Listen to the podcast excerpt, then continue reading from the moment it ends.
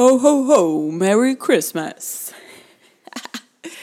Welkom bij een nieuwe Thema 2. Ik ga het vandaag hebben over kerst. En ik kreeg een vraag binnen over dat uh, iemand helemaal geen zin had in kerst. En vandaag ga ik het met je hebben waarom familie soms confronterend kan zijn. En wat jij ook kan doen om wel een fijn kerstdiner te hebben of een fijne kersttijd. Ik ben Vee van Meegen, ik ben spiritueel mentor. Ik uh, help mensen weer echt naar hun pure kern. Om vanuit daar, vanuit bid en power, ook echt het leven te gaan manifesteren dat ze zo graag willen. En ook een missie te gaan uitvoeren naar waar ze zo verlangen. Ja, vandaag ga ik het hebben over kerst. En als deze online staat, is het als goed is straks kerstavond. En laten we even eerlijk zijn, ik heb vaak twee typen mensen om me heen. Eén, vind kerst geweldig. Het hele huis hangt vol. Het kan niet gek genoeg, het kan niet laat genoeg, het kan niet lekker genoeg met eten. Er wordt alles aan gedaan. En twee, degene die wel gewoon kerst viert bij de familie, er niet zoveel zin in heeft. Het is maar gewoon een moedje. Het, klinkt, het is een beetje geforceerd. Het klinkt altijd met een soort van, nou, het moet maar. Nou, dan weet ik benieuwd, wie ben ik? Nou, vroeger, en dat heeft een medium ook gezegd, uh, dat heb ik ook wel eens gedeeld. Een medium, er staat al een hele mooie baby voor mij klaar. En die wil niet met kerst geboren worden. Dat had het medium gezegd. Dus zo, nee, als maar niet met kerst is. Ik zo, wat dan? Zo, dat weet je wel. Ik zo, ah ja. Vroeger was het er altijd iets met kerst. Weet je, altijd dat het moet leuk zijn. In mijn eigen gezin dan, hè. En dat was het dan heel vaak niet, omdat er toch heel veel shit was. En tegenwoordig vind ik kerst eigenlijk heel gezellig bij mijn eigen familie bij mijn schoonouders zou ik het helemaal fantastisch vinden. En ik denk dat ik later ook wel echt zo'n moeder ben die het belangrijk vindt. Ik zou Sinterklaas vieren, ik zou kerst vieren. Gewoon, ik vind het zo fijn om samen te zijn, het leuk te hebben, spelletjes te doen. Daar maak ik me helemaal blij mee. Dus wat dat betreft hoor ik nu aan, jee, joepie, kerst. Ook al ben ik nu weg, maar goed, hè, ik vier het lekker met vrienden dit jaar, ook helemaal gezellig. Maar laten we even eerlijk zijn. In heel veel families is kerst een, ja, we doen het wel, maar is er ook heel veel shit. En laten we even eerlijk zijn dat in heel veel gevallen er dan een soort gedaan wordt of het allemaal leuk is en allemaal goed is. En, uh, hè, want het is kerst, laten we het gezellig houden. En ondertussen hè, zijn we vijf wijnflessen verder en dan komt er opeens weer iets op tafel of dan gebeurt er weer iets en dan is er opeens weer iets aan de hand. Geen idee, maar dan is er altijd weer iets. Hè? Of er komt iets boven, of nou, whatever. En vandaar deze vraag denk ik ook van, hé, hey, hoe doe ik dat nou? Hoe houd ik het nou gezellig? En wat toevallig in deze week, als ik daar nu over nadenk, echt iedere keer terug is gekomen, is het, oké, ben je überhaupt bij jezelf? Hoe ga je überhaupt naar je familie toe? Want ik kan je ook zeggen, ik heb heel lang ben ik naar bijvoorbeeld mijn moeder geweest en dat liep dan niet zo lekker. En dan was ik daar al zo mee bezig van oké, maar wat dan? En wat, hè, hoe gaat het dan weer zijn? En oh, ze is negatief. En oh, dan, dan liep ik al helemaal leeg. Dan ging ik daar al helemaal niet met mijn eigen energie heen. Dus het is super belangrijk om gewoon te kunnen bedenken van oké, maar wat is nu belangrijk voor mij? Hoe wil ik daar zijn? En inderdaad, als je zoiets hebt van weet je, ik wil inderdaad even niet uh, uh, dit thema bespreken of dat thema bespreken. Of eh, wat veel mensen ook zeggen van nou laten we daar even niet over hebben. Als dat gezamenlijk zo is, gaat er dan ook niet over hebben. Weet je wel, is het nu dan de tijd? Maar wat ik wou zeggen, deze week is hij elke keer teruggekomen, is als jij niet bij je eigen energie bent, ben je bij de andere energie en dan ga je heel erg in de trigger zitten. Als jij voelt van hé, hey, ik kan ben geaard, ik heb een mooi kokonnetje om me heen gezet, energetisch, um, dan is het zoveel makkelijker om te ervaren van oké, wacht eventjes, ik krijg nu een trigger. Oké, iemand is negatief of iemand is een beetje agressief aan het doen of iemand heeft een mening over deze tijd waarvan ik het niet mee eens ben. Dan kun je dat gewoon even voelen, maar dan hoef je niet meteen actie, reactie, actie, reactie. En dan mag het er gewoon misschien even zijn bij de ander. En dan zeg je: Oké, nou prima. En dan moet het daar dan over gaan. Maar Wat er vaak is, is dat wij in een familie, hè, die hebben wij gekozen hier als ziel. We hebben schijnbaar iets te leren in het leven. We willen groeien en waarschijnlijk hebben we dus bepaalde dingen naar ons toegetrokken, zodat we dat ook kunnen leren.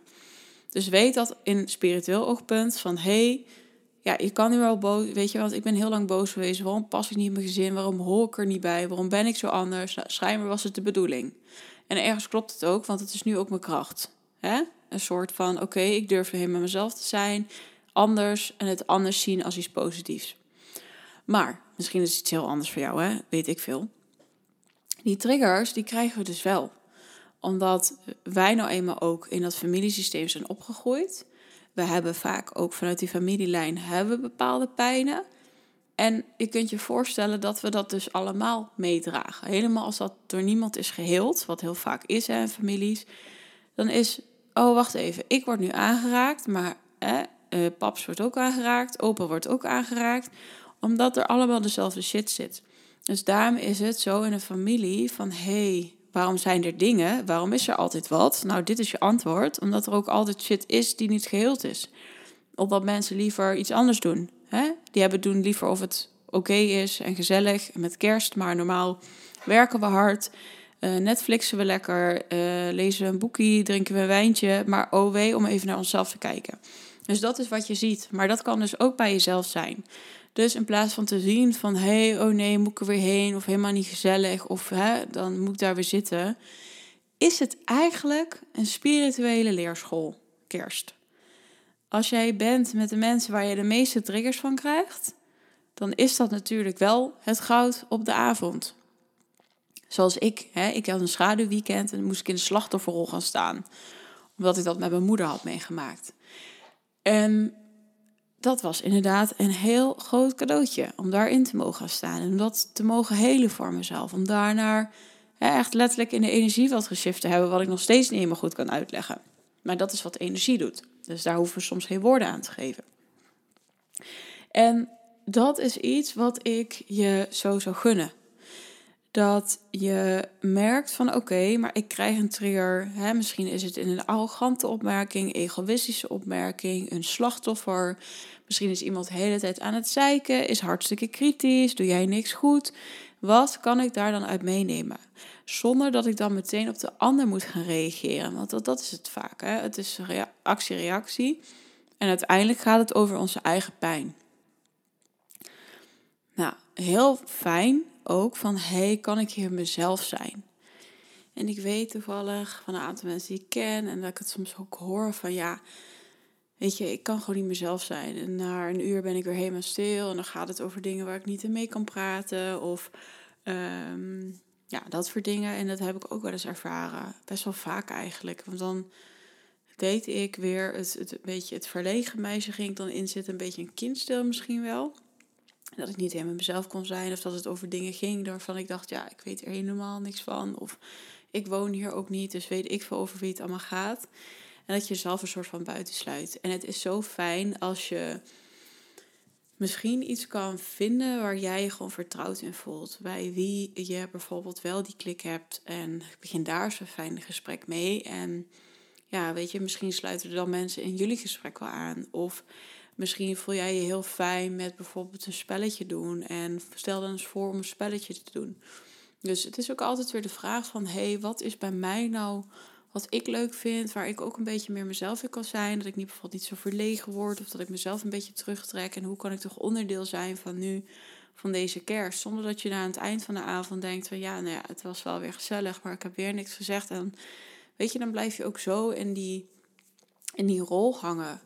En ik weet hoe moeilijk dat is, want als we op een gegeven moment een soort imago of rol in een groep hebben of bij een familie, dan is dat vaak iets waar we in blijven hangen. En dat heb ik zelf ook zo ervaren. Maar het is ook zo mooi als je daar dus wel kan uitbreken, omdat er iets in jou houdt jou een beetje klein. Hè? Het mag er niet helemaal zijn. En dat is eigenlijk zo super zonde.